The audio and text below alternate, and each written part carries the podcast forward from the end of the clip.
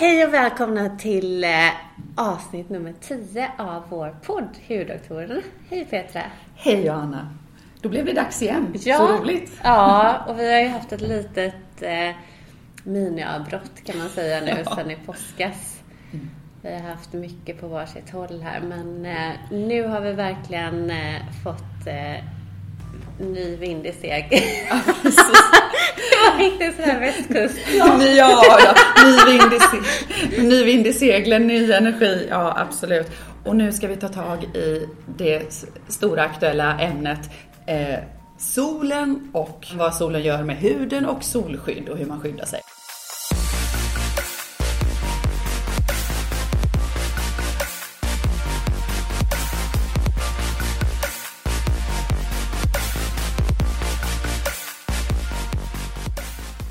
Vi har ju fått eh, nästan, jag tror det är hundra frågor minst här på Instagram när vi skickade ut en fråga om, eh, om folk hade funderingar eller frågor om vilka solskydd eh, som man ska använda och sådär. Så vi hoppas att vi kan reda ut lite där eh, också under de här kommande avsnitten. Absolut, vi ska försöka. Vi ska försöka. Men eh, ja, nu är vi ju som sagt var typ i slutet av maj här och eh, snart kommer juni och då är solen stark. Då är solen bland som, som mest stark får man säga i Sverige. Mm. Och då gäller det att skydda sig mot solen. Ja, precis. Och det, det är ju någonting som vi också berörde. Vi pratade ju faktiskt om solen konstigt nog, nog i november av ett novemberavsnitt. Och där pratade vi också om hur stor skillnad det är i eh, solens styrka eh, under året, speciellt där vi bor nu i Sverige. Och då kan man ju eh, prata lite om det att eh, tittar man på UV-index, alltså hur starkt UV vi har, så är det i juli nästan, eh, juni-juli nästan, eh, kan vara upp mot 7. Vilket är det starkaste som vi mäter i Sverige egentligen. Eh, till skillnad då mot Medelhavet eller runt ekvatorn där man kan komma upp i ja, men 10 till nästan 14 Oj, styrka. Men här i Sverige så, så är, skulle man säga att eh, det absolut starkaste är, är runt 7.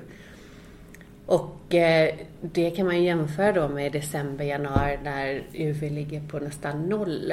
Så att eh, det är nu man ska börja skydda sig mot solen och välja ett, ett bra sol, eh, solskyddsfilter men också att eh, undvika solen och som vi också kommer att prata om att skydda sig med andra metoder, till exempel Absolut. kläder. Det är ju jätteviktigt och det kommer ju vara som en röd tråd genom det här avsnittet att solskyddsmedel ska ju bara vara ett komplement till att faktiskt undvika solen när den är som starkast och använda olika andra saker som till exempel då keps eller hatt och kläder av olika slag och f- absolut heller inte glömma solglasögon. Nej. För det vet vi ju att om vi utsätter ögonen för väldigt mycket UV-ljus så får vi oftast med tiden förändringar i ögonen som gör att vi faktiskt ser sämre på äldre dagar. Och, eh, och det, så att, så det, det är ju viktigt att, att tänka på de grejerna också. Mm. Och tänker vi då på, eh, på... Eh, för det första så är det ju bra som, och det har, har man ju tjatat om under lång tid, att undvika faktiskt att vara i, i den starkaste solen från kanske ja, men 11 till 3 eh, när solen är som starkast. Men när vi pratar om kläder då, då, då är det lite skillnad just i hur mycket, man brukar prata om Istället för SPF som man pratar om när det gäller solskydd, alltså hur, ehm, hur väl en solskyddsprodukt skyddar mot solen, så pratar man om UPF, hur bra kläder skyddar. Och det är egentligen eh, samma sak kan man säga. Men då eh, tittar man till exempel på en vanlig vit tunn t-shirt, då har det ungefär en solskyddsfaktor på 10.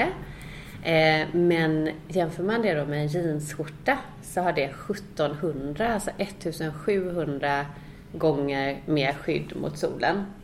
Så att det är ju väldigt stor skillnad i vilka, vilka kläder man använder. Så att, och likadant med färg, använder man en svart t-shirt till exempel så mm. är ju det bättre solskydd än än mer en, mm. en ljus eller vit t-shirt. Mm. Det, ja, det är intressanta, eh, intressanta uppgifter och jag, eh, som sagt det som, är, som jag kan tycka i alla fall eh, är det viktigaste är att man använder någon form av kläder överhuvudtaget. Men det är klart, är man känslig i huden så är det ju precis som du säger Johanna, att försöka kanske undvika liksom den allra tunnaste eh, indisk bomullkläder för då går det kanske igenom. Utan, och, och, så att man men, men det viktigaste är att använda, att skydda sig med kläder överhuvudtaget när solen ligger på. Och mm. helst kanske också vistas i skuggan och eh, ja, inte helt enkelt utsätta sig för allt för starkt solljus.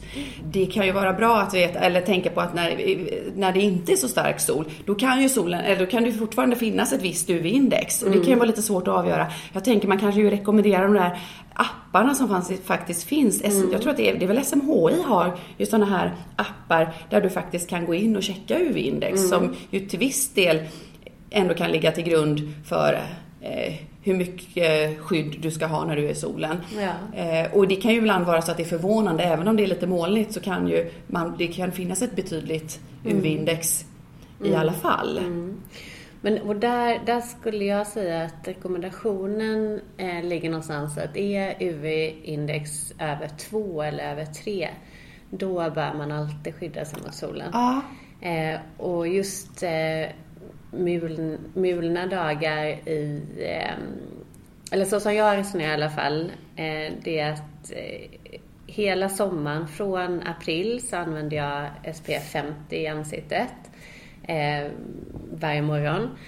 Och det spelar ingen roll om det är molnigt ute eller om det är sol. För att i och med att det kan ändras så snabbt också på sommaren så, så är det lika bra att, eh, att vara på den säkra sidan. Ja, det är ju jättebra information tycker jag. För det för, för, tänker jag på en av de här, eller en fråga, vi har fått ganska många frågor om egentligen samma sak här. Behöver man ha solskydd på vintern? Mm. Och där är ju lite eh, det, det råder ju det delade meningar om, men om jag förstår dig rätt, vilket jag faktiskt håller med om, för jag tänker ungefär som du, mm. att jag har solskydd i dagkräm, ja kanske från april till, vad kan man säga, september ut? Eller hur länge fortsätter du ha solskydd? Ja, jag har, jag har in, inte solskydd i dagkräm, utan jag har ett separat solskydd som är utvecklat, för det, det ska vi prata mer om tycker jag också, mm. just vilka solskydd ska man, eh, ska man välja och eh, jag tycker då att ett, ett, eh, en produkt som är utvecklad som solskydd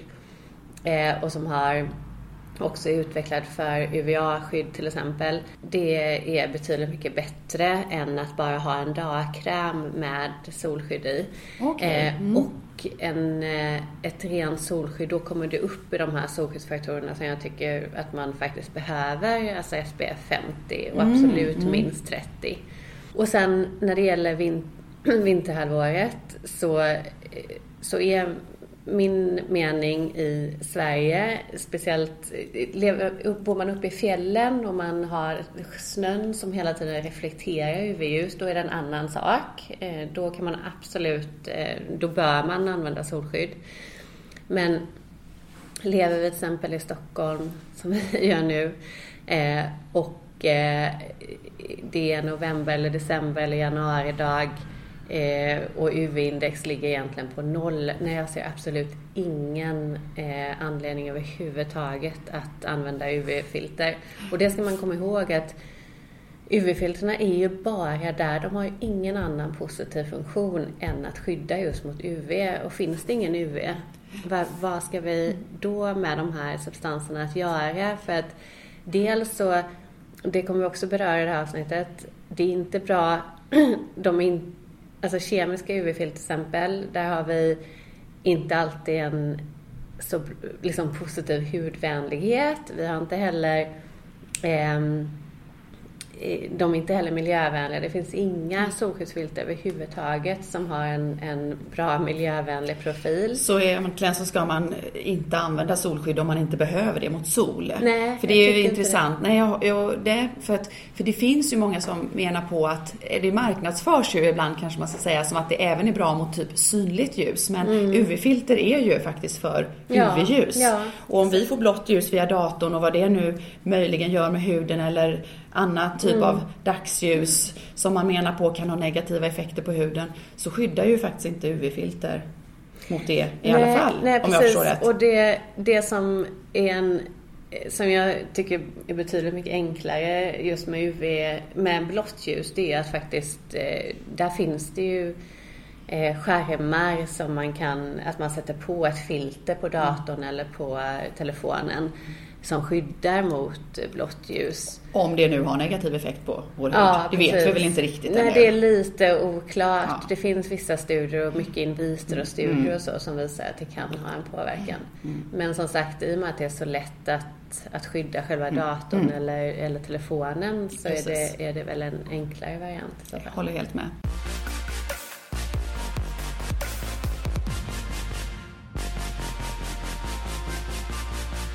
Ja, nej men okej, så att om vi då har, reder ut den där frågan så, så, så är det så här, använd UV-filter. Helst ett separat UV-filter mm, mm. eh, som, som du liksom applicerar när du behöver det. Och använd den delen av året när det finns mm. risk att utsättas för UV.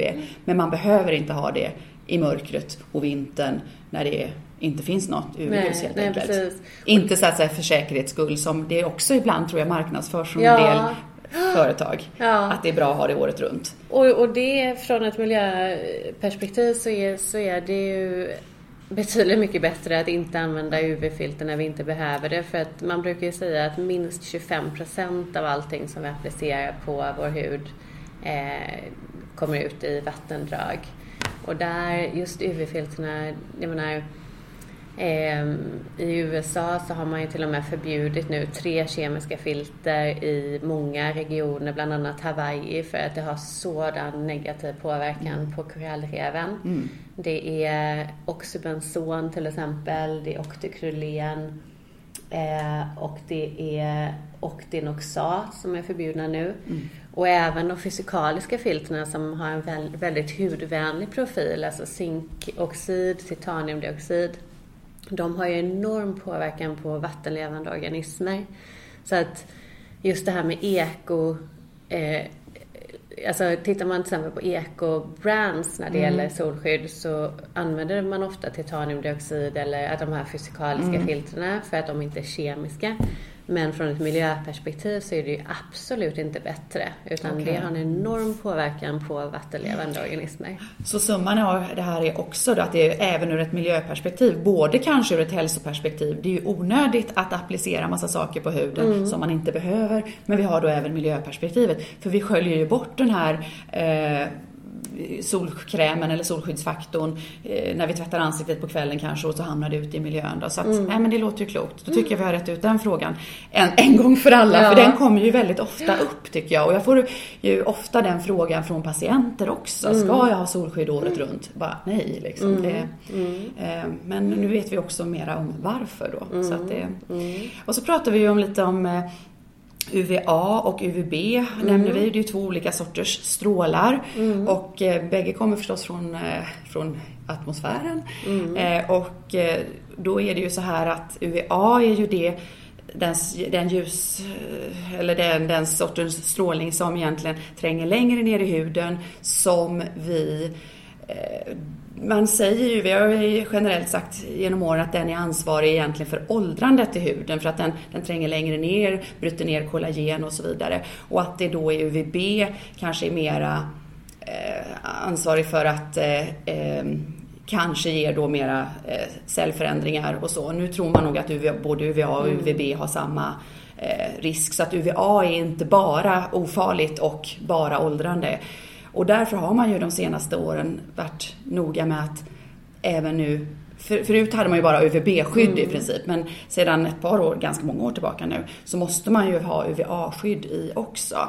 Mm. Eh, och så det är ju jätteviktigt att man tittar på de här förpackningarna som man köper, att det förutom då står UVB-skydd, att ja. det finns en UVA symbol så att det skyddar mot både UVA och UVB. För det luriga med UVA-strålningen är ju också att man märker inte på samma sätt att man blir utsatt för den. UVB-strålningen, det är ju den som gör att vi blir röd och mm. Eh, att vi känner att vi har fått blivit brända i solen. Men mm. UVA-strålningen kan ju alltså eh, stråla på huden utan att ge upphov till de här känslorna av att vi har blivit mm. brända och det kan då på andra sätt, på det sättet fortgå mycket längre. Att vi kan mm. egentligen få mycket större strålning utan att vi märker det. Så det är superviktigt med UVA-skydd. Ja.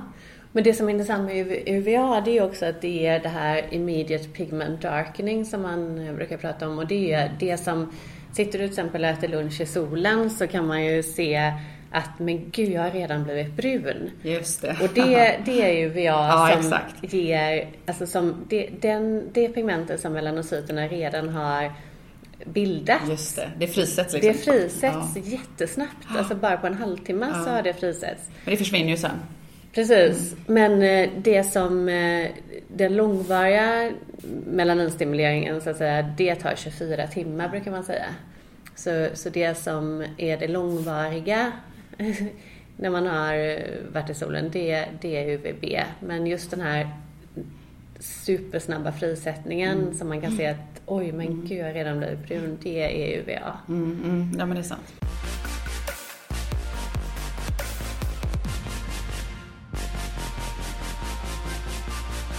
Många frågar ju vilken typ av, eller hur hög solskyddsfaktor man ska ha. Mm. Och vi rekommenderar ju i princip alltid 30 till 50. Jag minns det så här, förr i tiden var det ganska roligt när var själv på 80-talet. Då hade man så faktor 4 och faktor mm. 6 och sånt där som man laborerade med. Och det är ju egentligen ganska mm. onödigt. Utan idag rekommenderar vi ju att man har ett högt solskydd, till exempel 30 eller 50.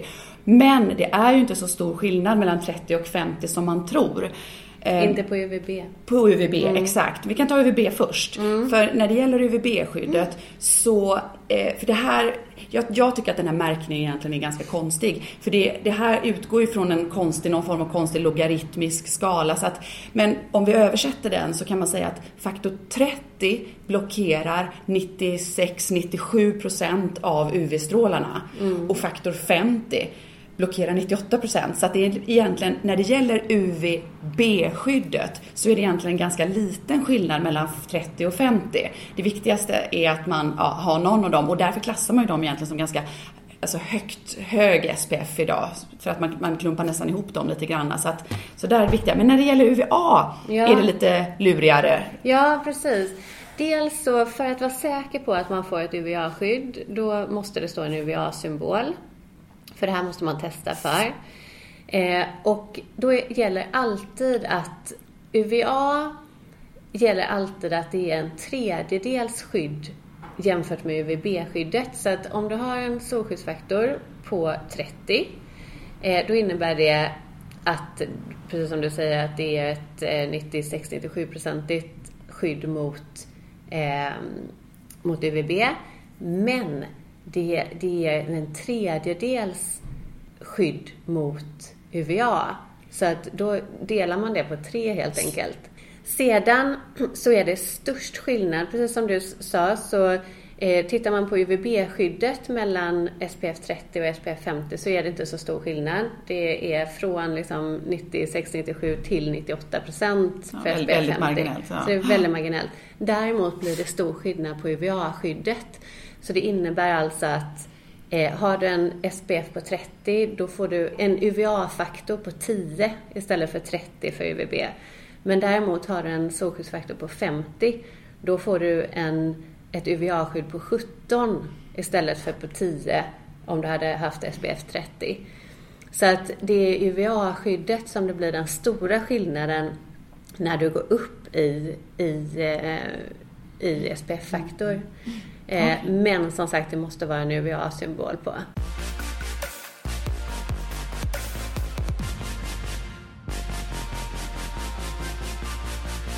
Och sen har vi det här också med, med vattenresistent. Det är ju vanligt att man kanske märker sådana produkter med, med detta, speciellt för barn. Och då ska man veta att eh, när man gör de här testerna så ba, låter man då de här testpersonerna eh, bada i ett vattenbad som cirkulerar. Eh, och, eh, en bubbelpool? Typ en bubbelpool kan man säga, ja, fast det är inte jättevarmt vatten. Eh, och eh, då eh, badar man i 20 minuter efter man har applicerat produkten. Sen väntar man 15 minuter och sen badar man igen i 20 minuter. Och om produkten har, om man har mer än 50% av produkten kvar, då säger man att produkten är vattenfast.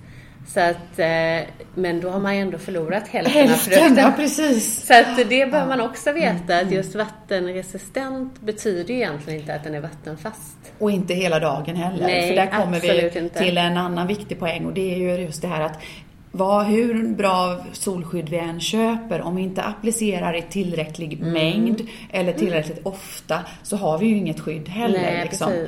Och det är ju bra att du påtalar det för att man kan ju luras av vattenfast och tro att då räcker det att smörja på sig på morgonen och sen skulle den sitta hela dagen men inte ens vattenfast gör det om man är i, i eh, badar och, och, och solar. Ja, och, och, kanske svettas heller för den delen. Så att, eh, Exakt, och det mm. är väldigt, väldigt viktigt. Mm. För att när man gör de här testerna också, och då, det här är viktigt att, att, veta när man applicerar en produkt.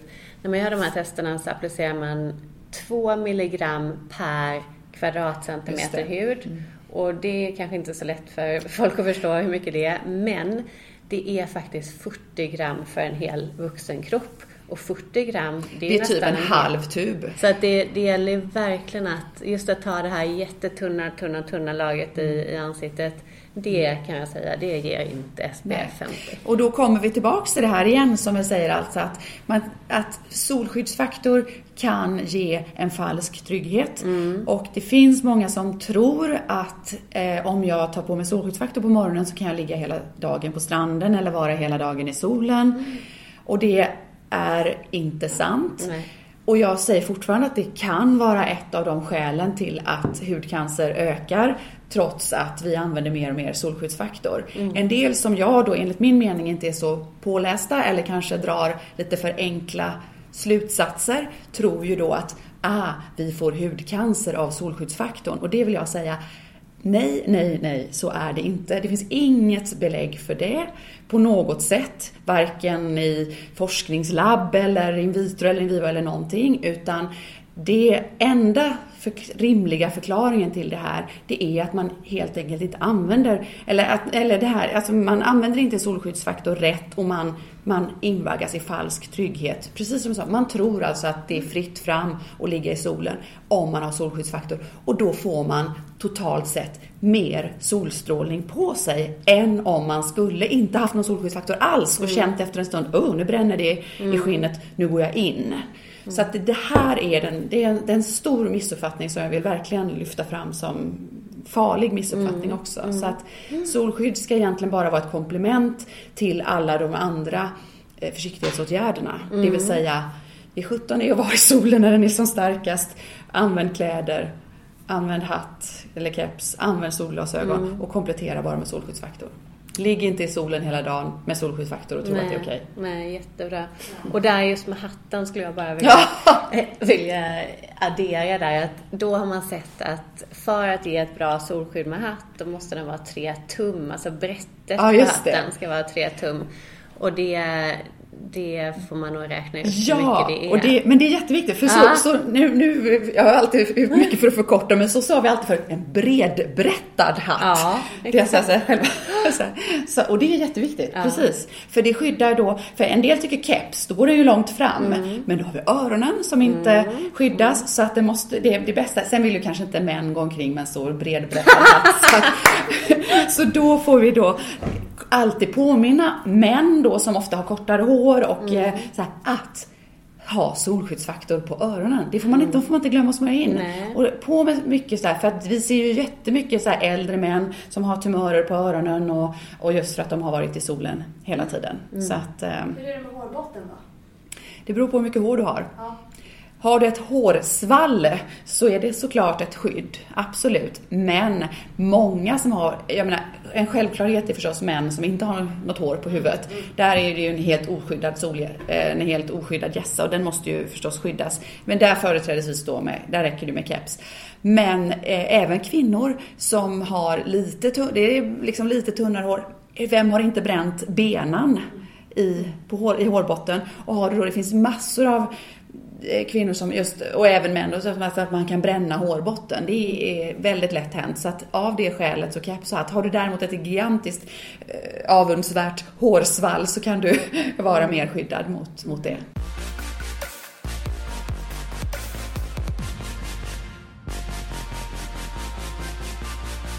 Vi har ju som sagt fått tusen, nej tusen frågor har vi inte alls fått. Vi har fått, vi har fått hundratals frågor. Eh, och, och då är ju en av de frågorna som återkommer faktiskt och som vi också nu har svängt oss lite med det här med fysikaliskt filter och eh, kemiskt filter. Mm. Och Johanna, lite kort, vad är skillnaden? Ja. Um, ja, det är, skillnaden är att eh, kemiska filter de kallas också organiska filter. Eh, och det är egentligen kemiska eh, substanser eh, där man som penetrerar huden något. De flesta är ganska små eh, molekyler och där absorberar de UV. Eh, och eh, de absorberar UV och omvandlar det till värme egentligen. Medan då fysikaliska filter som är samma sak som vad man tidigare har kallat mineralfilter. Och det finns egentligen, ska jag säga, två filter där som man lätt kan känna igen på inkilistan. För kemiska filter finns det en uppsjö och vi kan prata mer om det. Men just för de fysikaliska så finns det egentligen två. Och det handlar om zinkoxid eller titaniumdioxid. Och eh, där är det lite olika eh, vilken våglängd tar, de tar mest. Man brukar ofta ha en kombination av titaniumdioxid och zinkoxid. Och de lägger sig som en hinna och bara skyddar mot att UV inte mm. kommer in. Reflekterar liksom bort solstrålningen nästan. Bort precis. Mm. Och det som man eh, ofta, om man tittar på en hudvänlighets, alltså hur hur stor risk till exempel det är att vi får allergier eller irritation eller någonting av UV-filter, då kan man säga att de fysikaliska är absolut mest hudvänliga.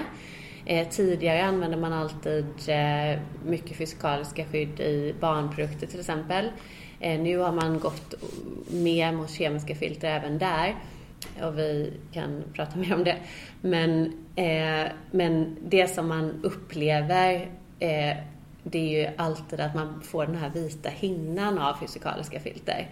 Och där har man ju då, eh, för att eh, undkomma detta problem, så gör man väldigt små partiklar av de här substanserna som brukar kallas nanopartiklar.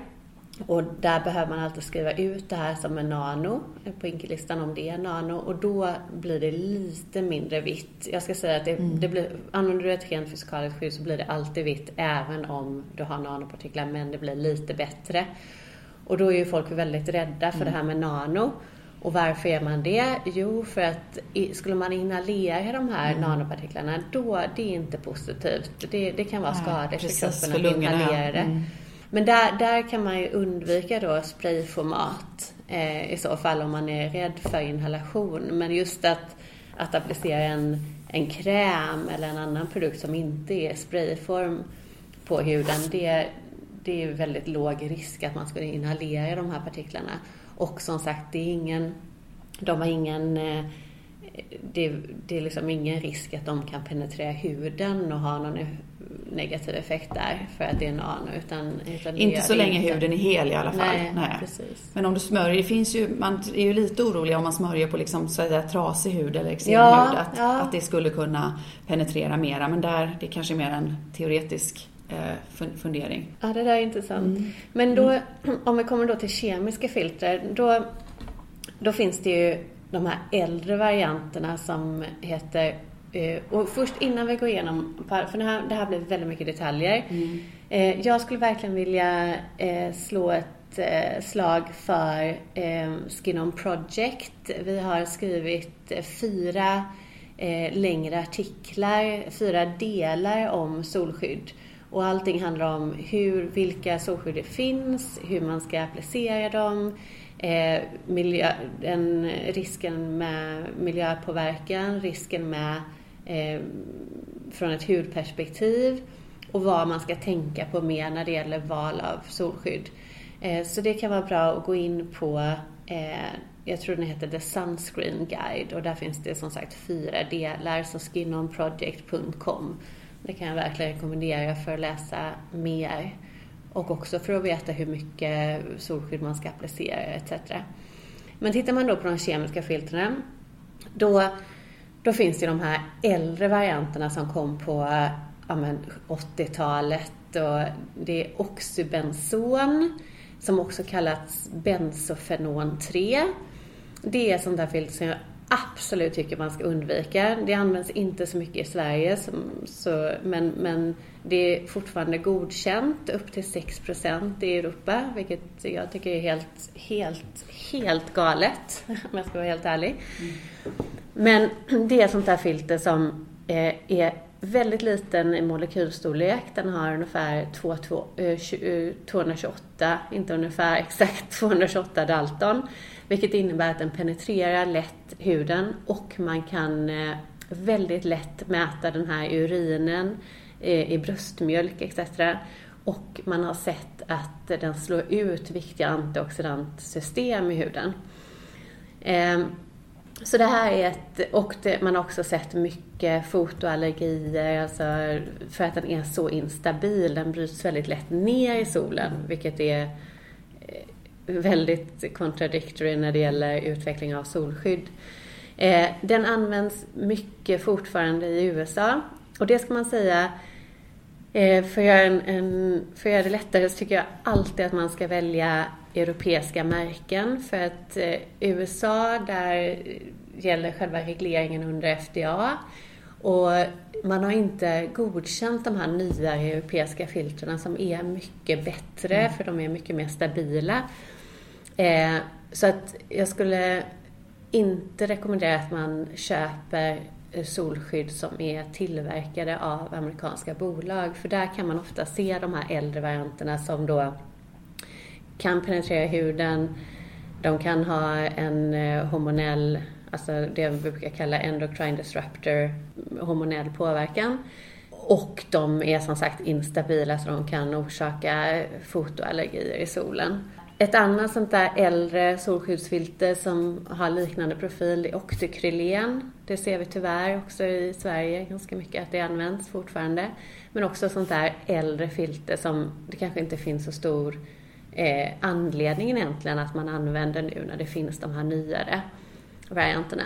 Och sen finns det andra filter som kallas Cinemat, Cinamater, som också är väldigt instabila. Så vilka filter ska man använda då när det kommer till kemiska filter? Ja, det är, ja då är det de här nyare varianterna som heter eh, Ekamsul och eh, drometrosol trisiloxan. Det finns mer bredspektra eh, solskydd. Som, ja det är jättelånga namn men marknads, the brand name så att säga det är Tinosorb M eller Tinosorb S. Och några andra sådana här eh, brand names för kombinationer av nyare eh, kemiska filter. Det är till exempel Mexoryl, Mexoryl XL, Mexoryl eh, SX som är den här Ecamsul som är också en eh, väldigt stabil variant. Och det är ju faktiskt, alltså tittar man på Mexoryl då är det eh, L'Oreal-bolagen, alltså mm. ja, La Roche-Posay och, och hela L'Oreal-koncernen som har utvecklat eh, det filtret. Eh, Eucerin eller Beiersdorf har, har också utvecklat eh, filter. Och det ska man säga att det tar ungefär 20 år att utveckla ett nytt UV-filter. Det är en, en lika eh, komplex eh, process som en läkemedelsutveckling. Eh, så det är inte, det är liksom jag har eh, väldigt stor ödmjukhet för hur svårt det är att utveckla hudvårdsprodukter och speciellt hur svårt det är att faktiskt utveckla nya UV-filter. Mm. Och där är de här europeiska bolagen som har mycket, haft mycket resurser till mm, innovation ja, inom, inom de här områdena. Så där kan ju en bra, ett bra råd vara att, att välja till exempel bolag som ja, La Roche-Posay, Aven. Eh, Aven är ett, eh, ett eh, varumärke från ett, ett franskt bolag som heter Pierre Fabre. Mm. Eh, och eh, Eucerin. Ja. Eucerin, precis. Beiersdorf. Mm. Som har eh, bra produkter eh, när det gäller eh, solskydd.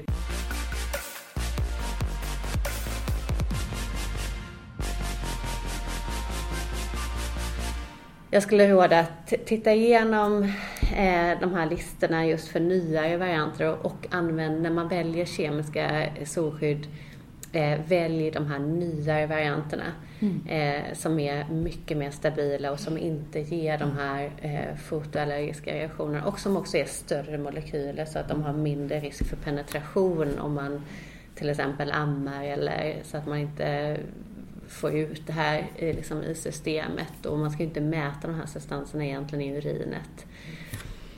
Um, och sen är man väldigt orolig för kemiska filter, ja men då finns det ju rent fysikaliska filter. Och Aven till exempel har en produkt som är rent fysikaliskt eh, bara då med zinkoxid eller titaniumdioxid.